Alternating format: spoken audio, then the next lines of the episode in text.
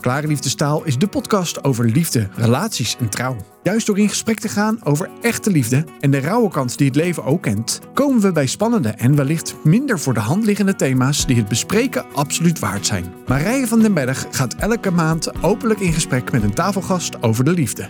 Ik ga vandaag in gesprek met eh, Eva Wielenga. En we waren zojuist eh, hier in Den Haag ook op straat geweest, waar we een aantal vrouwen ontmoet hebben die ja, in de prostitutie werken. En Eva is directeur van uh, Stichting De Haven, die al 25 jaar bestaat.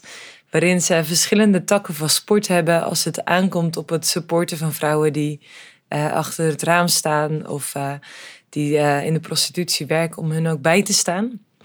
Eva, van harte welkom. Dankjewel. Wat fijn dat ik net met je mee mocht. het was een hele ja, een boeiende ervaring. Ik ben wel eens eerder in Amsterdam, heb ik ook op de Wallen rondgelopen. En nou ja, dan treft het me elke keer weer uh, wanneer je ja, de vrouw in de ogen kijkt en, en de blik ziet die ze uitstraalt. Ja, het blijft treffend, hè? Elke ja, keer. Absoluut. Ja. Wat, wat raakt jou als je over straat loopt? Nou, wel, het is wel goed allereerst om te zeggen dat het je raakt, want dat is belangrijk. Hmm. En wat mij persoonlijk raakt, is dat ik daar gewoon uh, vrouwen zie jonge vrouwen, maar ook echt hele oude vrouwen die bijna pensioengerechtigd zijn. Uh, die gewoon een soort van vaststaan in hun situatie. En dat vind ik echt uh, heel naar om te zien. Uh, ik ken ze soms, ik ken ze soms ook helemaal niet. Soms zie ik ze hier op kantoor in hun kleren en dan maken we een geintje of we roeren samen in een pannetje soep als er toevallig soep op het vuur staat. En dat is dan één kant van hoe ze zijn. En de volgende dag kan ik ze in die straat zien. En uh, dan denk ik, ach, lieverd, hè, zucht. Dat je hier staat en uh, uh, dat je zoveel moet doen om je geld te verdienen. Ja, dat raakt me gewoon heel diep. Ja. Want wat moeten ze doen om hun geld te verdienen? nou, vrouwen die in de straat werken, die beginnen de dag eigenlijk al met een schuld. Dus ze komen s ochtends aan en dan uh, betalen ze eigenlijk meteen. En dan betalen ze de huur van een raam of een peeskamer. Um, en dan staan ze eigenlijk net zo lang totdat ze beginnen te verdienen. Dus uh, ze hebben een x aantal klanten. Gemiddeld vijf, zes. En dan beginnen ze wat te verdienen. En zo kan een dag heel lang duren. Er wordt heel veel gestaan, gewacht op mannen, op klanten. En dat is heel vermoeiend en slopend. Uh, en uiteraard uh, ja, wordt er ook betaalde seks uh, verkocht. En dat doet wat met je. Wat doet het met jou? Um, ja, ik word er altijd stil van. Ik word er ook boos van. Wat maakt je boos? Nou, wat me boos maakt is, is, is de blikken van de mannen, is de mannen die er rondlopen, is hoe er met de vrouwen wordt omgegaan. Dat is volgens mij niet zoals het zou moeten zijn in een uh, fatsoenlijke samenleving. Dat maakt me echt heel flink boos, ja. Want wat kenmerkt dan de manier dat er met die vrouwen omgegaan wordt? Nou ja, om een voorbeeld te geven, we, we zagen het net ook gebeuren. Hè? Een man die uh, even oogcontact maakt, de deur open doet, naar binnen stapt zonder niet, eigenlijk iets zonder te zeggen. eigenlijk iets te zeggen, alsof het normaal is. Uh, en dan vertelt wat hij wil. Um, of een man die onderhandelt aan een raam. Of een man die vraagt: draai eens even om. Een man die gebaren maakt. Er wordt gelachen om de. Misschien heb je het gezien. Je hebt ontzettend veel jonge mensen ook gezien vandaag in, uh, in de straat. Dat zijn gewoon groepjes jongeren die zich komen vermaken aan vrouwen achter een raam. Ja, dat, ik vind dat mensonterend. Mm. Ja, als je daar rondloopt, dan uh, je ziet heel veel gebeuren. Ja. Uh, wat mij heel erg trof, ik, ik kijk altijd naar ogen, zeg maar. Dus ogen zijn de spiegel van de ziel. Ja. En dan zie je enerzijds hoe mannen kijken naar de vrouwen, inderdaad. Uh, hoe schichtig ze daar eigenlijk een beetje rondlopen van wat als ik betrapt word of zo. Ja. Uh, dus eigenlijk willen ze anoniem daar rondlopen, omdat er wellicht ook een stukje schaamte zou zijn. Wat als iemand mij herkent? En tegelijkertijd zie je dus ook jongeren inderdaad met een, als een groepje vrienden daar rondlopen. Ja. En kijken. En eh, eh, ja, met een blik daarin waarvan je denkt, ja, zo kijk je niet naar, eh, naar je moeder of zo Nee, kijk je niet naar naar je, je zusje. tante. Nee. Nee, nee, maar naar deze vrouwen kan kennelijk wel zo gekeken worden. We hebben vorig jaar in de lockdown gezien, in de eerste periode. eh, of ik geloof dat het de tweede lockdown is. eh, corona, alles smelt samen als Ja. het zo'n intense periode is. Zagen we dat eigenlijk bijna heel de maatschappij die ging op slot. Hè, winkels gingen dicht overdag. Maar de prostitutiestraten bleven wel open. En dat leek, dus cafés gingen ook dicht. En dit leek dan het enige soort van vertier nog te zijn in de stad Den Haag. Eh, hebben we ongelooflijk veel mannen door de straat zien gaan. Als waren het een dierentuin. Als was het uitverkoop bij de bijenkorf. Ehm, en die mannen kwamen niet allemaal om seks te kopen. Maar ook voor een beetje afleiding of zo. Voor een beetje afleiding en vermaak. En eh, nou, we horen gewoon heel vaak van de vrouwen van dat is echt verschrikkelijk. Je, een van de vrouwen vertelde het nog hè, vanmiddag. Ehm, Ja, het is heel druk. Lopen veel mannen lopen daar rond. ja, maar ze komen om te lachen en om te kijken. En eh, ja, dat is, eh, nou, dat is hoe zij de dag moeten doorbrengen. En wat is het vertier dan wat ze vinden in het kijken naar de vrouwen? Ja, dat is een goede vraag. Ik weet het eigenlijk niet. Het zien van een halfnaakte vrouw in lingerie op hoge hakken. eh, kennelijk spreekt het aan. Ik probeer me nooit zo heel erg te verdiepen in de mannen, eigenlijk, eerlijk gezegd. Dus ik zie ze veel. Ik, ik, nou ja, mijn collega's ook. Als we de straat in gaan, dan kijk je altijd even hoe is het straatbeeld. Ook gaan we hier nu veilig in of niet? Of, of valt ons wat op? Dus je, je kijkt altijd even scannend om je heen. Ehm, maar voor de rest eh, zijn wij er. Als we de clubs ingaan, als we de straten ingaan, willen wij ons volledig focussen op de vrouwen. Want die zijn het belangrijkst voor ons. Ja.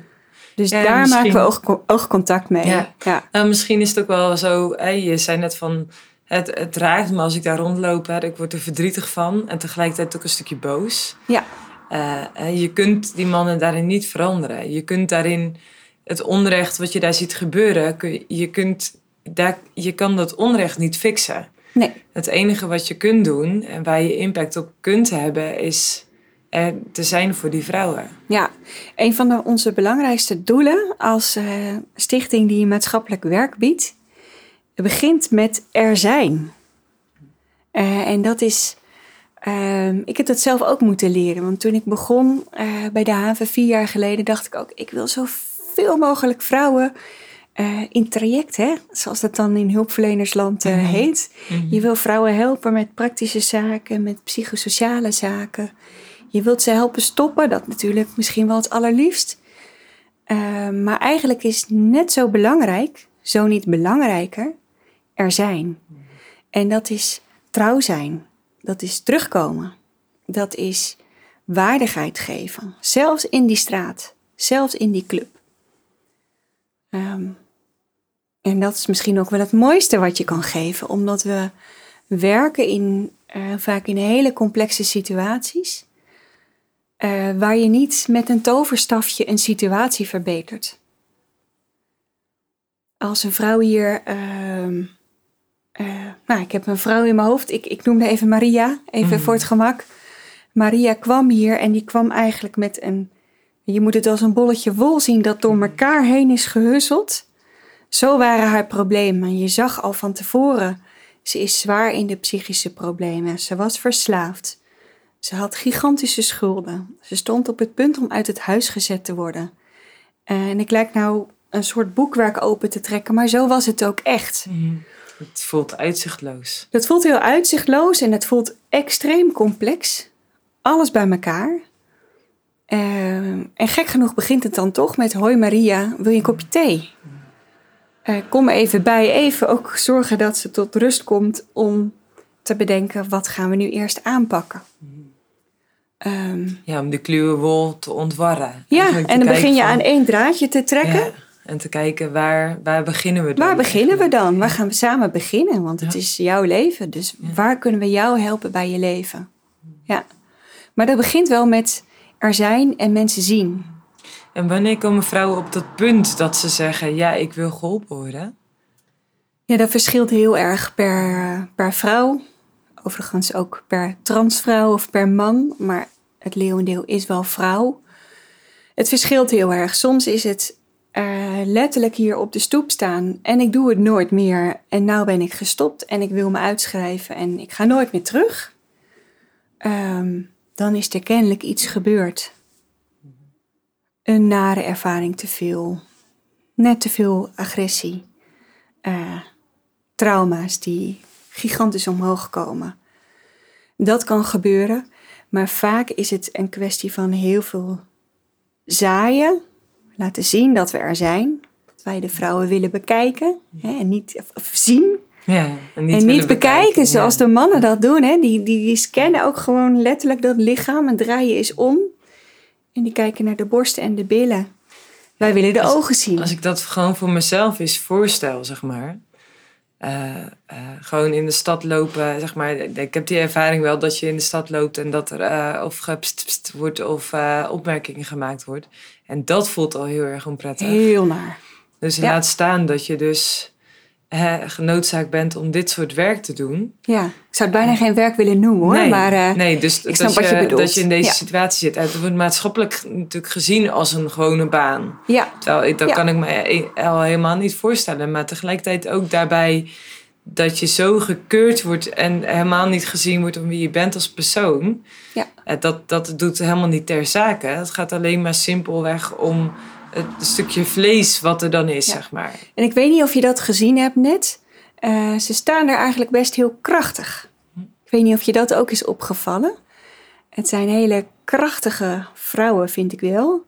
Het zijn heel vaak moeders die dit werk doen om hun gezin te onderhouden. Of zussen die uh, hun familie onderhouden, bijvoorbeeld in Roemenië of in uh, de Dominicaanse Republiek. Um,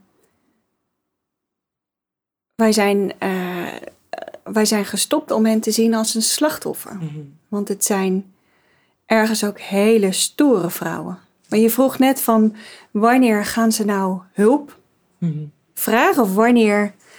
Ik, en toen, wanneer komen ze dan? Nou, dat is dus een kwestie van een hele lange adem. Dus elke keer weer er zijn, trouw terugkomen.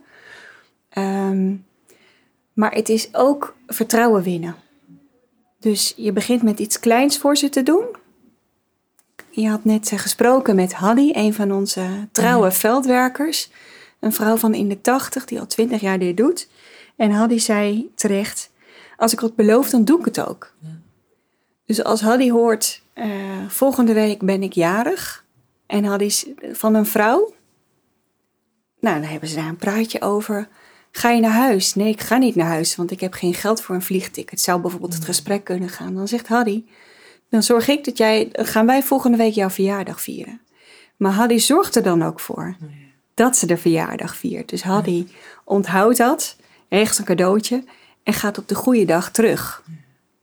Ehm, ja, dus en dat betekent, feit, ik zie jou. Jij ik bent zie jou. mij van waarde. Ja, en dat bouwt vertrouwen. En dat, uh, ja, dat komt te voet en het gaat te paard. Ja. Bij deze vrouwen die al heel vaak heel veel verschillende hulpverleners hebben gezien. Uh, en ook al heel vaak beschadigd zijn. Ja. En misschien wel door meer dan door, allerlei soorten mensen ja. beschadigd zijn. Ja. Beloftes die gedaan zijn. Ja. Uh, dat een man voorbij komt en die zegt ik hou van je. Ja. Uh, of, of beloftes doet, zeg maar. Van... Help je eruit. Ja. we hebben best veel cliënten die dan een, een vriendje hebben Waar wij dan wel onze twijfels bij hebben van wat is dan dat vriendje voor jou? Ja. Ehm, en als je goed doorvraagt, blijkt dat eigenlijk een oude klant van haar te zijn. Ehm, dat is niet ongebruikelijk. Die dan een soort speciale band met haar opbouwt. En ondertussen is ze nog steeds hartstikke afhankelijk van hem. Oh dus het zijn hele ja, gevaarlijke relaties. Ja. ja. En met beloftes die worden gebroken. En kun je ons eens meenemen in het werk van de haven? Ja. Want jullie doen verschillende disciplines, hebben jullie. Ja. Kun je ze eens kort uh, uitleggen allemaal? kort? nou ja, we mogen alle tijd nemen. ja. Um, Nou, ik, ik heb er nou eigenlijk net eentje heel erg benoemd. En dat noemen we veldwerk. Dat is naar buiten gaan, letterlijk, maar ook eh, het internet op. En de vrouwen en de transgenders en de mannen opzoeken waar ze zijn. En elke keer weer contact leggen. Dat doen we in clubs, dat doen we in uh, privéhuis, in SM-studio's, bij de escort. Uh, en dus ook achter de ramen. En we doen het dus op het internet. Dat noem je veldwerk. Ja, en als je, als je, als je weet hoeveel mensen, om hoeveel mensen gaat het als jullie contact hebben? Nou, alleen al, we zitten hier in Den Haag. Alleen al in de stad Den Haag werken geschat 3 tot 4.000 mensen. Uh, en wij hebben duizenden contacten per jaar in het veldwerk. Zo. Alleen daar zit natuurlijk ook een overlap tussen. Dus het betekent een Maria kan je wel twintig keer zien in, in een jaar. Dus daar zit een overlap in. Um, maar dat heeft ook juist het doel dat jullie zeggen van hey, we willen ze juist vaker zien. Ja. We willen een band met haar opbouwen. Heel bewust. Zodat ze uh, ontdekt dat wij trouw zijn, zeg maar. Dat is ook een van jullie pijlers, trouw zijn. Trouw zijn mm. en, uh, en gewoon laten zien uh, waar je in gelooft. En laten zien dat deze mensen ertoe doen. En waar geloof je in dan? Nou, wij geloven in de menswaardigheid van deze mensen. Uh, in de waarde die ze hebben in mijn geval en in ons geval geloven we dat het kinderen van God zijn. En hele mooie schepsels. Um, Geloven ze dat zelf ook nog? Met alle ervaringen die ze opgedaan hebben? Ja, soms wel. Ja, en dat is het mooie als je daarbij aan kan sluiten. Wij ontmoeten best heel veel christenen. Misschien moet ik er zo iets verder over vertellen. Maak ik eerst even verhaal af. Wat we, moet je me straks nog even eh, vragen als ik het vergeet. Um, ik vertelde over veldwerk duizenden contacten in een jaar. Uh, en daaruit komen, ja, wat je dan in hulpverlenersland hulpvragen noemt. Dus dan komen mensen hier letterlijk uh, op de telefoon of op de app. Of ze komen binnenlopen in ons inloopkantoor. Hoi, kan je me helpen? En dat kan heel breed zijn. Dat kan zijn, wil je me helpen want ik kan de brief niet lezen? Dat zijn vaak ongeletterde mensen hmm. uit een ander land. Ik denk dat... Uh, 80% van onze cliënten uh, Nederland, Nederlands niet als eerste taal mhm. heeft. Dus het zijn, begint vaak met hele praktische dingen. Dus dan verlenen we op allerlei verschillende manieren, met verschillende vragen, maatschappelijk werk. Ja, als ze eenmaal de deur weten te vinden, dan Juist. is de drempel ook wel lager om als ze andere. Maria begon met het kluwertje wol. Dus we begonnen met één ding, met haar schulden en te zorgen dat ze niet uit huis werd gezet. Dus dat was het meest prangende. Maar het vertrouwen van Maria in haar maatschappelijk werkster groeide over en weer. En dat maakte dat we ook de rest van eigenlijk hele haar complexe mhm. problematiek konden oplossen. Of oplossen, aanpakken, laat ik het mhm. zo zeggen. Dus maatschappelijk werk is een hele grote tak. Ehm, en daarnaast helpen we mensen uitstappen. En dat is een heel breed, lang, ingewikkeld programma eigenlijk mhm. per vrouw. Ja, want op jullie website staat ook dat het echt op maat is. Ja, dat kan ook bijna niet anders, want iedereen is anders. Kun je, dus, kun je eens een verhaal vertellen van iemand die inderdaad uh, meegedaan heeft met het uitstapprogramma? Hoe dat, dat dan werkt? Nou, Deborah bijvoorbeeld was een vrouw die kenden we uit een seksclub. Dus die werkte in een club samen met andere vrouwen en die hadden we best een aantal keer gezien. Zij heeft op mij gigantische indruk gemaakt. Want ik heb haar zelf ook nog ontmoet in die club. Um, je zag aan haar ogen van ik zit hier niet goed, ik moet weg. Uh, maar je zag ook iets stoers en trots en nou ja, ik verdien mijn geld. Um, maar op een dag uh, zagen we een stukje van een tatoeage van haar en er stond een bijbeltekst op. En dus we raakten daarover in de praat. Joh, wat staat daar?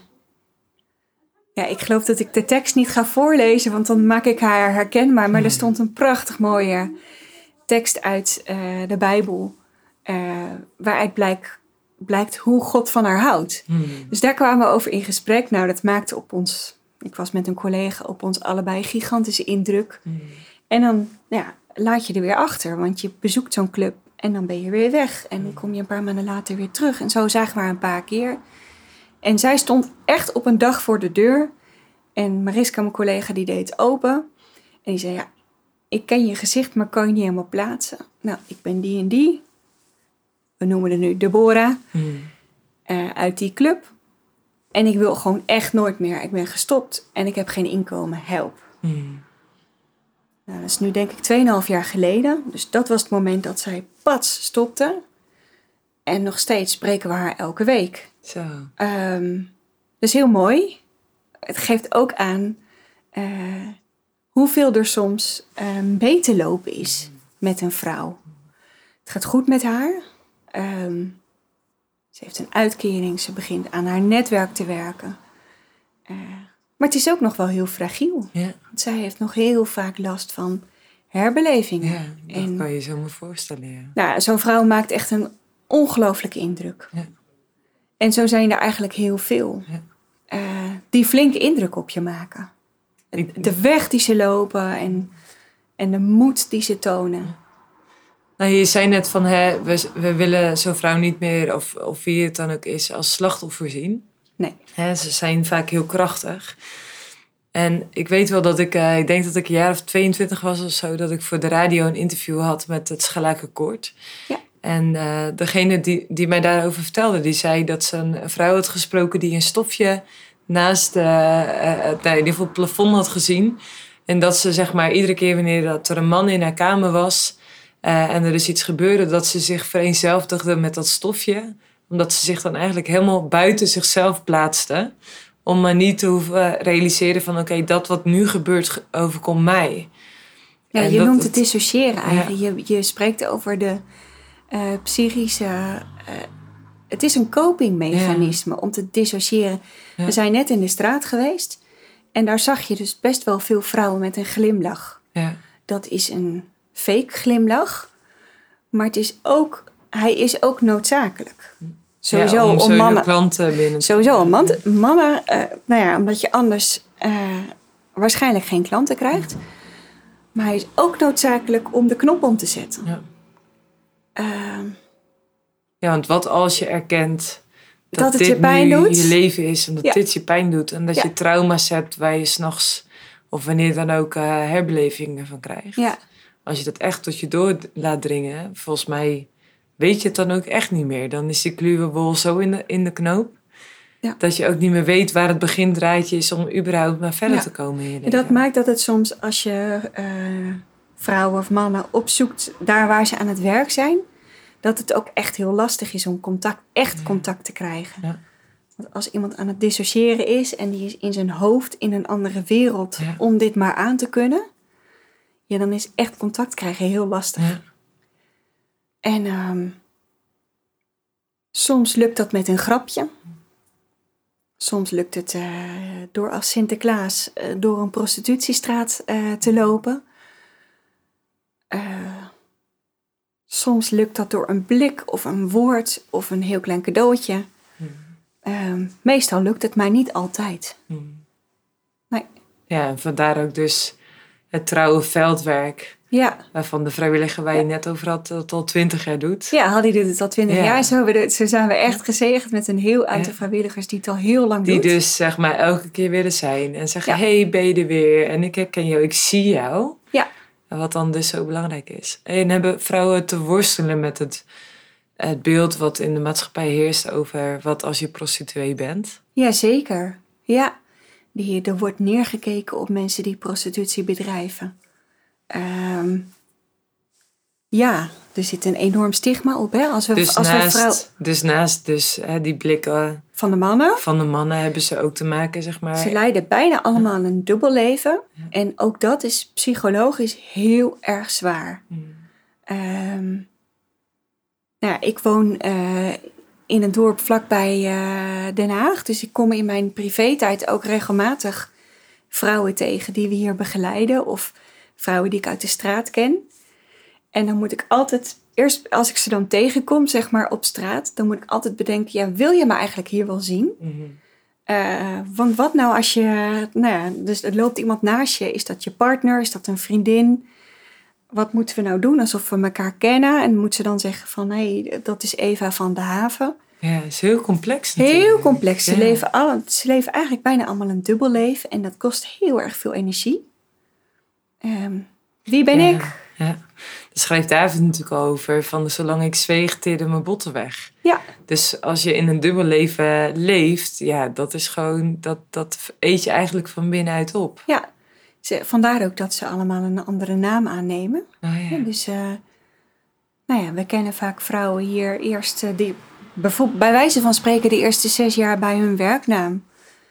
Oh, ja. En dan ineens wordt er gezegd, maar ik heet eigenlijk. Zo, zes dan- jaar. Kun je nagaan hoe Dat- lang dat, dat, Dat kan soms dat heel lang duren. zeg maar. Ja. Zo. Wat, het, wat ik het mooie vind aan. ehm, nou ja, je hoort al dat we ons werk doen met professionals en goed getrainde vrijwilligers. Ik vind het mooi dat, die, dat daar een mix is en dat dat in elkaar samenloopt. Ja. Want zo kan je dus ook een vrouw bieden ehm, dat een maatschappelijk werker haar kent, gewoon in een zakelijke omgeving hier. Kom maar op met je papieren en we gaan aan de slag. Mm. Uh, maar dat er ook een vrijwillige veldwerker in het kantoor is. En die dan zegt: hey Marta, Oh, ja. ik ken jou nog. Ja. Maar dan zonder veroordeling. Dus Marta weet dan van: hé, hey, daar heb je, nou laten we dezelfde veldwerker noemen, hè, Hadi. Die kent mij nog van toen ik dat werk deed. Mhm. En nu kom ik hier en ben ik aan het spreken over een baan bij de bakker. En zover ben ik al gekomen en al die tijd Ja, Zijn we samen opgetrokken? Ja, ja, prachtig, ja. Wat vind je, wat vind je van, van het feit dat Jezus ook juist ook omging met de prostituees? Ja, ik vind het prachtig. Dat inspireert ons heel erg. Je gaat ook helemaal stralen. Ja. Maar dat we geen beeld hebben. Ja, dat vind ik echt prachtig. Ja. Want uit, uit de Bijbel spreekt heel erg Gods hart voor alle mensen in de marge van de maatschappij. Ja. En Jezus liet het zien. En daar kan je echt niet omheen. Maar ook toen was daar dus een oordeel over. Ja. Ja, de vrouw bij de waterbron of de vrouw die eh, zo lang bloed vloeide. Dat is ook een heel mooi voorbeeld. Ehm, die echt helemaal buiten de maatschappij was geplaatst omdat ze bloed vloeide. En Jezus plaatste haar weer midden in de maatschappij. Hij, hij keek haar aan. Wie heeft me aangeraakt? Ja, terwijl dat zij echt eh En het, haar blik af moest wenden en moest zeggen: Ik ben on- onrein, ik Onrein. ben onrein. En het effect van, van eh, dat Jezus haar in de ogen keek en dat hij eh, contact met haar maakte, was dat ze weer in de maatschappij kwam. Ja. Ik denk dat dat bijna een mooier effect is dan dat haar bloeden is gestopt. Ja.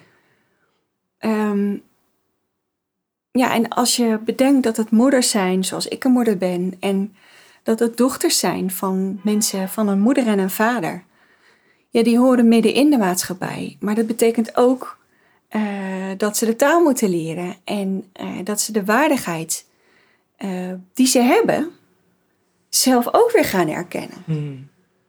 Het is niet zo dat ze de waardigheid kwijt zijn, maar ze moeten de waardigheid die ze hebben als mens, als vrouw, moeten ze weer gaan herontdekken. Ja, en dat is soms een lange weg. Dat herkent misschien iedereen wel. Ja, Dat daar waar je eh, onzeker bent over jezelf of dingen gebeurd zijn, waardoor een stuk waardigheid geroofd is in je leven, dat het echt ook een worsteling kan zijn. ja, Waar alleen God echt, als God zijn dingen erover gaat zeggen en je, en je kunt dat aanvaarden wat God zegt dat dat waar is.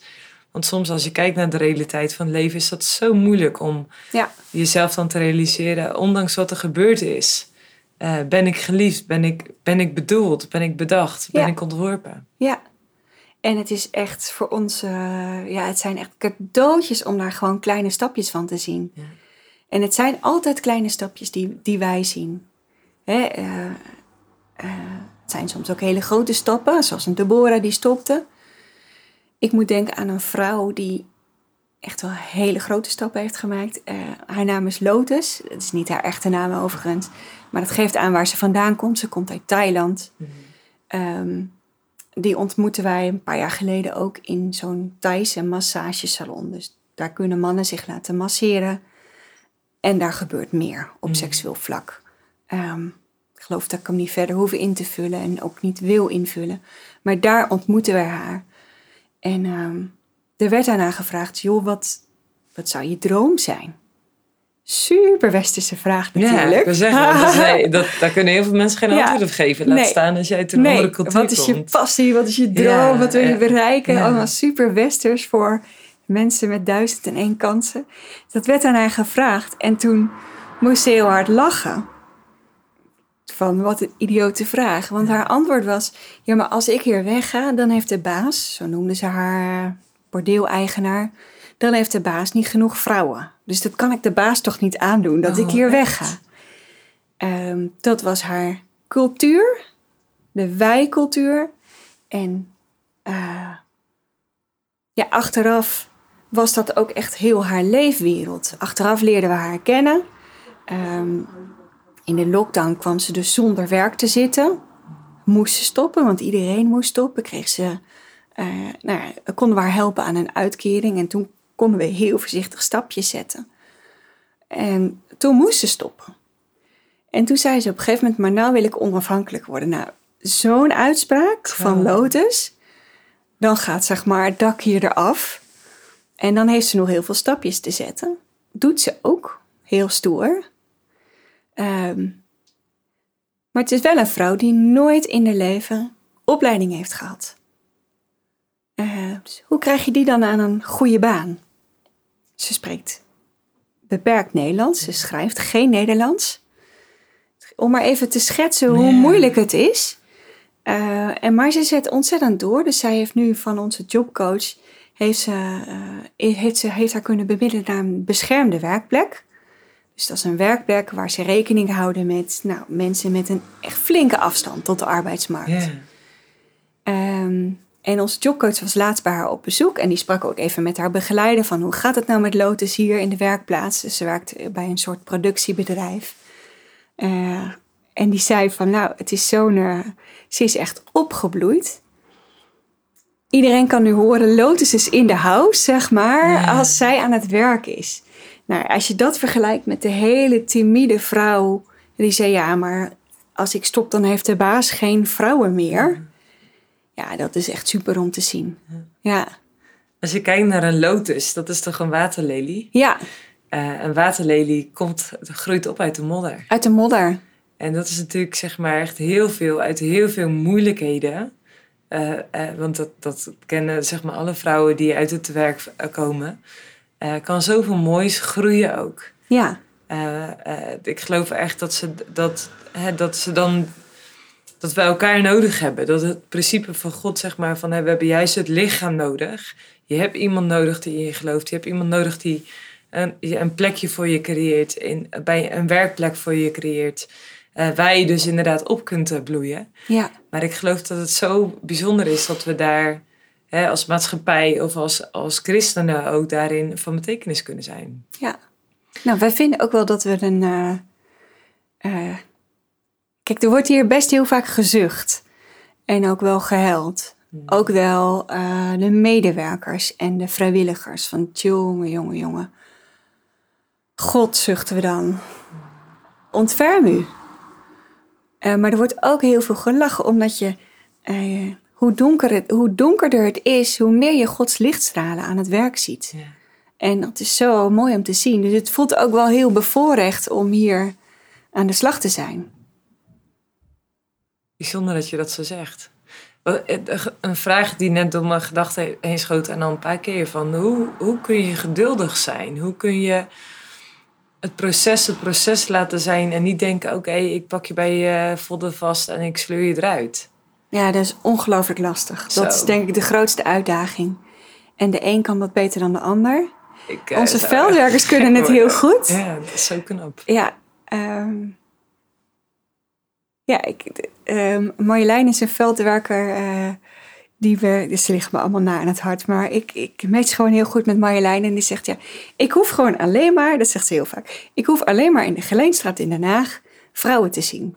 Dat is mijn taak. Dat doe ik. En dat, ze gunt zich de, ehm, eigenlijk de rust om alleen maar er te zijn. En ze zegt, ik zie alles. Ik wil eigenlijk alles oplossen. Ik wil iedereen op me, onder mijn arm mee naar huis nemen, Ja, zeg maar. ja, ik wil ik. politiek van alles veranderen. Maar dit is mijn taak. Ik mag er zijn en ik mag mensen zien. Eh, Je moet echt begaafd zijn om dat te kunnen verdragen. ja, en, nou, wat ik zei, dat gaat gewoon niet altijd even goed. Ehm, een van onze collega's had nou ja, een, een voorbeeld van een vrouw die is getrouwd geweest met een man, een Nederlandse man. Dus er was een vrouw uit Colombia.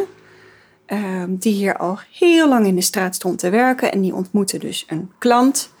En die klant die zei, die vond haar zo leuk, die trouwde met haar. Nou, hoe bijzonder is dat natuurlijk? Wat een ongelijk huwelijk moet dat zijn. Maar goed, ze heeft al die jaren heeft ze met deze man getrouwd in Nederland geleefd. Eh, ondertussen stond ze nog steeds achter het raam. Maar nou ja, ze hoefde niet meer zo hard te werken, want hij had ook zijn inkomen. Die man die overleed. Ehm, en onze maatschappelijk werkers zeiden, ja, maar dat betekent dat jij een weduwepensioen Ja. kan krijgen. Vrouw overtuigd van, je hebt hier recht op. Hmm. Je hebt al die jaren met, ben je met hem getrouwd geweest. Jij hebt belasting betaald. Want prostitutie is een legaal beroep. Daar moet je belasting nog over betalen. Jij hebt hier recht op. Dit, is, dit geld is voor jou. Ja, nee, nee, twijfelen, twijfelen, twijfelen. Ze had alles voor, voor, eh, voor elkaar. En op de dag dat ze met z'n tweeën naar de gemeente zouden gaan om het te regelen, om die vrouw dus rust en ruimte te geven voor de rest van haar leven, heeft ze zich teruggetrokken. Omdat ze bang was eh, dat ze haar sociale netwerk, die eigenlijk alleen nog maar haar prostitutievriendinnen was, kwijt zou raken. Ja, dan springen bij ons ook wel de tranen in de ogen van, ach mooie vrouw, ach lieve vrouw, we gunnen jou, want ze, ze was ook echt eh, best wel op leeftijd. We gunnen jou ook een fijne, rustige oude dag. Ja, dus dan zie je ook maar dat, En dan is het best wel eens heel lastig ja. om geduldig te zijn. ja, ook, ook dat dus netwerk, mensen kennen, mensen hebben die om jou geven, die jou zien als waardevol persoon, dus ook zo belangrijk is. Ja. En, en als je kijkt hoe kerken daar eh, omheen staan, zie je dat, dat de kerk ook een plek is waar dit soort vrouwen terecht kunnen. Eh, ja en nee. Eh, wij krijgen veel support als stichting van kerken en daar zijn we ook heel erg dankbaar voor. Er wordt veel voor deze vrouwen gebeden, door christenen, door kerken. Dus het probleem wordt gezien. En toch zien we ook dat er best veel, ook in de christelijke maatschappij, wordt gezegd: ja, ja, ja, maar dit moet nu eenmaal bestaan. Ehm, ja, daar word ik ook wel eens best wel heel verdrietig van. Eh, God roept ons op om op te staan tegen onrecht, niet om onrecht te accepteren. Dus daar word ik ook wel eens heel verdrietig van. Eh, maar ik probeer gewoon ook maar vast te houden aan dat wat er wel is. En Ja. dat is heel veel kerken die wel opstaan. Ja. En die wel langs zij komen. En wat als iemand zegt die nu luistert van ja, weet je, dit, dit gesprek, het raakt me, het, het, het borrelt een stukje aan. Hè, hoe kan dit onrecht gebeuren? Of hè, inderdaad, er moet politiek dingen veranderen. Wat kan iemand doen? Nou, ik denk dat het begint met daar waar wij ook mee beginnen. Zien en erkennen dat dit er is in Nederland.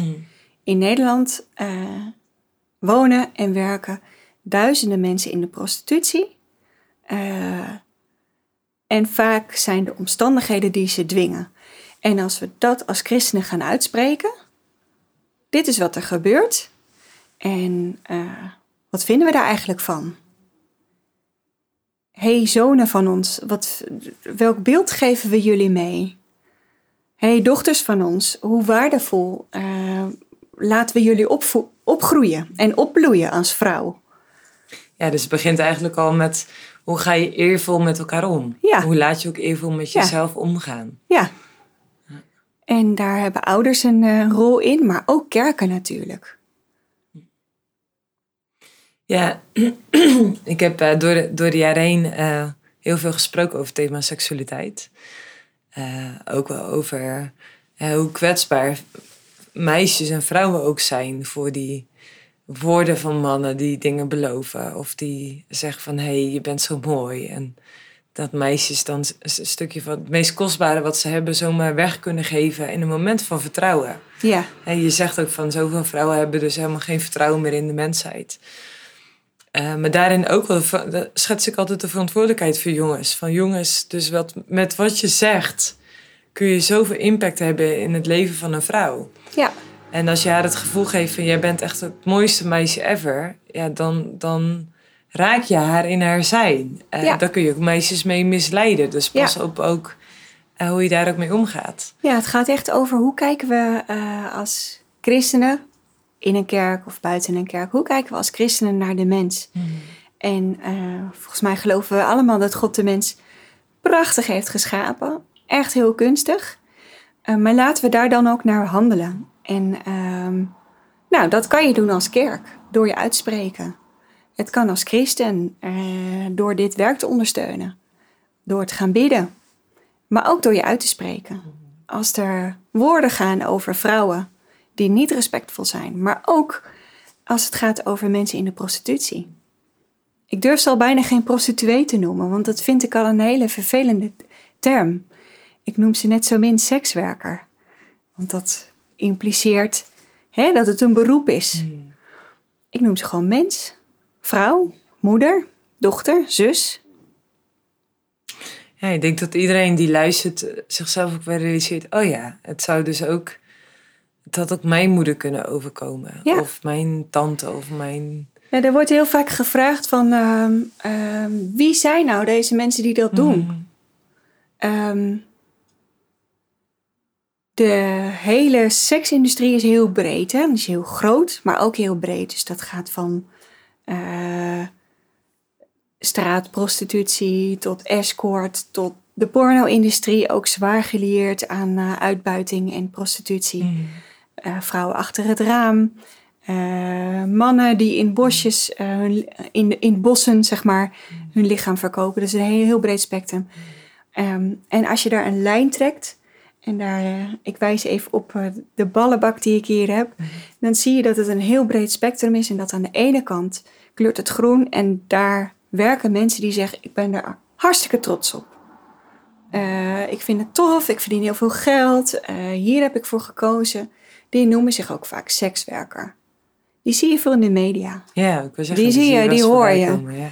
Die zeggen dat ze weten wat de sekswerkers willen. En helemaal aan de andere kant van het spectrum kleurt het rood daar werken mensen gedwongen, echt onder dwang van een pooier. Nou, over die rode is de hele maatschappij het eens. Oh, moet niet kunnen. Hmm. Over die groene, aan de, andere, aan de linkerkant zeg maar, van het spectrum, zegt iedereen, ja ja, zou het wel echt waar zijn? Ik weet het eigenlijk niet. Maar de grap is dat eigenlijk het gros van de mensen die in de seksindustrie werkt, zit daar tussenin. Dus tussen groen en rood zit blauw. Hmm. En dat, dat zijn dus mensen als Lotus die uh, met een man mee naar Nederland zijn gekomen. Is die man haar pooier? Nee. Ze wist wel wat ze ongeveer ging doen. Dus zij is geen slachtoffer mensenhandel. Deborah, die ik net noemde. Nadia, een vrouw uit Colombia. Uh, haar buren gingen ineens een heel groot huis bouwen. Hey, dat valt op. Uh, ouders waren in geldnood. Uh, joh, Nadia, ga eens vragen. Hé, hey, hoe komen jullie aan het geld voor dat grote huis? Ja, onze dochter werkt in Europa. Nadia is, is uh, op een dag ook naar Europa gegaan. Die had één telefoonnummer van haar buurmeisje. Mm. Buurmeisje bleek in de Doubletstraat te werken. Nadia moest haar vliegticket terugbetalen. Had haar familie te onderhouden in Colombia. En het heeft een paar weken geduurd en Nadia stond hier ook. En Nadia zit dus eigenlijk in die blauwe doelgroep die heel vaak gedwongen wordt door armoede of door de omstandigheden eh, om te gaan werken in de prostitutie. En dat is eigenlijk het gros van de mensen die, we, die wij zien. Ja, waarbij je dus in een vreemd land bent, je kent de instanties niet. Nadia had echt één telefoonnummer, sprak geen woord Nederlands. Uh, op goed geluk, uit pure nood, naar Nederland gekomen. Laatste een beetje geld bij elkaar geschraapt om haar een ticket te geven. En dan kun je dus niet uitstappen. Tenminste, nee. je moet voorzien ook in de noden van je familie. Ja. ja, de vrouwen die wij vanmiddag zagen, die ene vrouw die zei het ook. Ik heb mijn kinderen te onderhouden. Uh, ja, dan zit je dus vast. Ja. En dan word je niet gedwongen met een knuppel of een pistool op je nek. Komen we ook tegen. Ja. Um, gebeurt ook, helaas. Ehm, en toch kan je vaak geen kant op. Mm. Dus dan is er een hele lange weg te gaan. En dat bedoelde je eigenlijk aan het begin van het interview van... Hè, als ik daar dan rondloop, vanmiddag, dan zie ik vrouwen die vaststaan. Dus Ja. vastzitten in een situatie Ja, waarin ze wellicht geen uitzicht zien. Ja. Wat zo'n kluwe wol is die helemaal in de klit zit en ze weten überhaupt niet waar te beginnen. nee. Waar ze een coping hebben om maar met die glimlach de sterke vrouw te zijn. Maar dat als ze echt toe zouden laten van wat er in hun leven allemaal gebeurt of gebeurd is. Ja, dan zit er gewoon een heel rauwe randje, eh, rauw randje aan. Of misschien wel een hele grote Ja. rauwe rand aan. Heel vaak zijn de vrouwen die wij tegenkomen, eh, zijn puur aan het overleven. Dus dat maakt ook dat ze, nou ja, zo'n vraag die wij aan Lotte stelden, hè, wat wil je, wat zijn je dromen voor over later, is helemaal niet aan de orde. Nee. Want je moet vandaag de huur van je raam betalen. Eh, en als je dan wat verdiend hebt, dan moet je vandaag wat sturen om je kinderen in Colombia te voeden. Dus dat is een heel erg een leven van dag tot dag. En ik schets een situatie. ehm, veel vrouwen betekent het ook dat ze een soort van in het illegale circuit in Nederland leven. Ehm, dus ze huren niet een sociale huurwoning. Weten zij veel dat je je moet inschrijven en hoe dat dan werkt. En dat je 25 euro moet betalen op een website. Hmm. Maar ze huren een huis bij een particulier.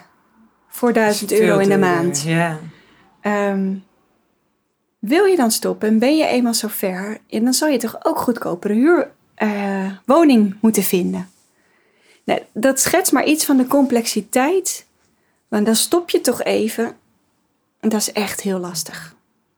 Gelukkig maken we het mee hoor, want ik wil niet alleen maar in mineuren dit, ge Nee, maar dat, dit is gesprek ook, maar ingaan. dat is ook wel de, de realiteitscheck, hè? Want Ja. ehm, mensen die dit verhaal niet kennen, denken toch... ja, maar dan stap je er gewoon uit. Ja, Eh, ja dat simpel, doe je toch? toch zelf. Ja, je kiest er je zelf kiest voor. er zelf voor je, maar eigenlijk is dat niet waar.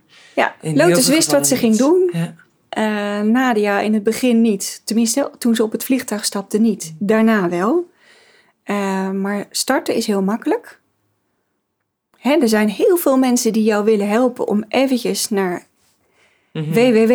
www.kvk.nl te gaan. En dan heb je je inschrijving bij de Kamer van Ko- Koophandel dezelfde middag. Kan je nog aan de slag. Ja. Maar het zijn precies diezelfde mensen die dan zeggen... Ik heb je geholpen, 100 euro. Mhm. Handje contantje. Ehm, wat maar Ja, laat zien hoe snel wat dat laat je zien hoe, snel je. Kijk, en als je niemand kent, je hebt, je, je hebt gewoon een heel slecht netwerk. Ehm, je komt uit Roemenië en je weet niet hoe de samenleving werkt. Dan denk je, nou, geweldig, voor 100 euro kan ik aan de slag. Niet wetende dat dat eigenlijk niet de bedoeling is en dat het ook gratis kon. Ja. En Ja, zo start je weg van schulden en van overleven en van eh, ja, een netwerk opbouwen binnen een bepaalde scene. En het is, ja, wij vinden het een hele mooie uitdaging om dat netwerk juist weer aan de andere kant van de maatschappij op te bouwen. Mhm. Dus eh, dan heb je het over christenen. Om eh, bijvoorbeeld daar een maatje naast te zetten. Die gewoon eens een keer een kop koffie gaat drinken. Ja. Bij eh, de Bijenkorf of zo. Of bij de HEMA. Ehm, mag ik wel bedrijfsnamen noemen eigenlijk, maar goed. Of de Albert Heijn of weet ik veel. Ehm, of die ehm, uitlegt hoe een OV-chipkaart werkt. Ja. Gewoon Na vier het jaar in Nederland. Ja, eh, het delen. leven zoals het leven is. En we, kunnen echt uren kletsen. Gewoon je passie en alles wat je daarin deelt. Jammer genoeg zijn we een beetje aan het einde van, eh, van ons interview gekomen. Heel erg indrukwekkend. Zou jij willen, eh, een slotakkoord willen geven met wat jouw verlangen is wellicht voor de luisteraar? Dus wat wil je de luisteraar meegeven als het aankomt op het prachtige werk van jullie als Stichting De Haven? Ja, ik zou de luisteraar willen oproepen, open je ogen. Verdiep je in deze vrouwen in hun vaak zware leven. En dat kan bijvoorbeeld door ons te volgen op de sociale media.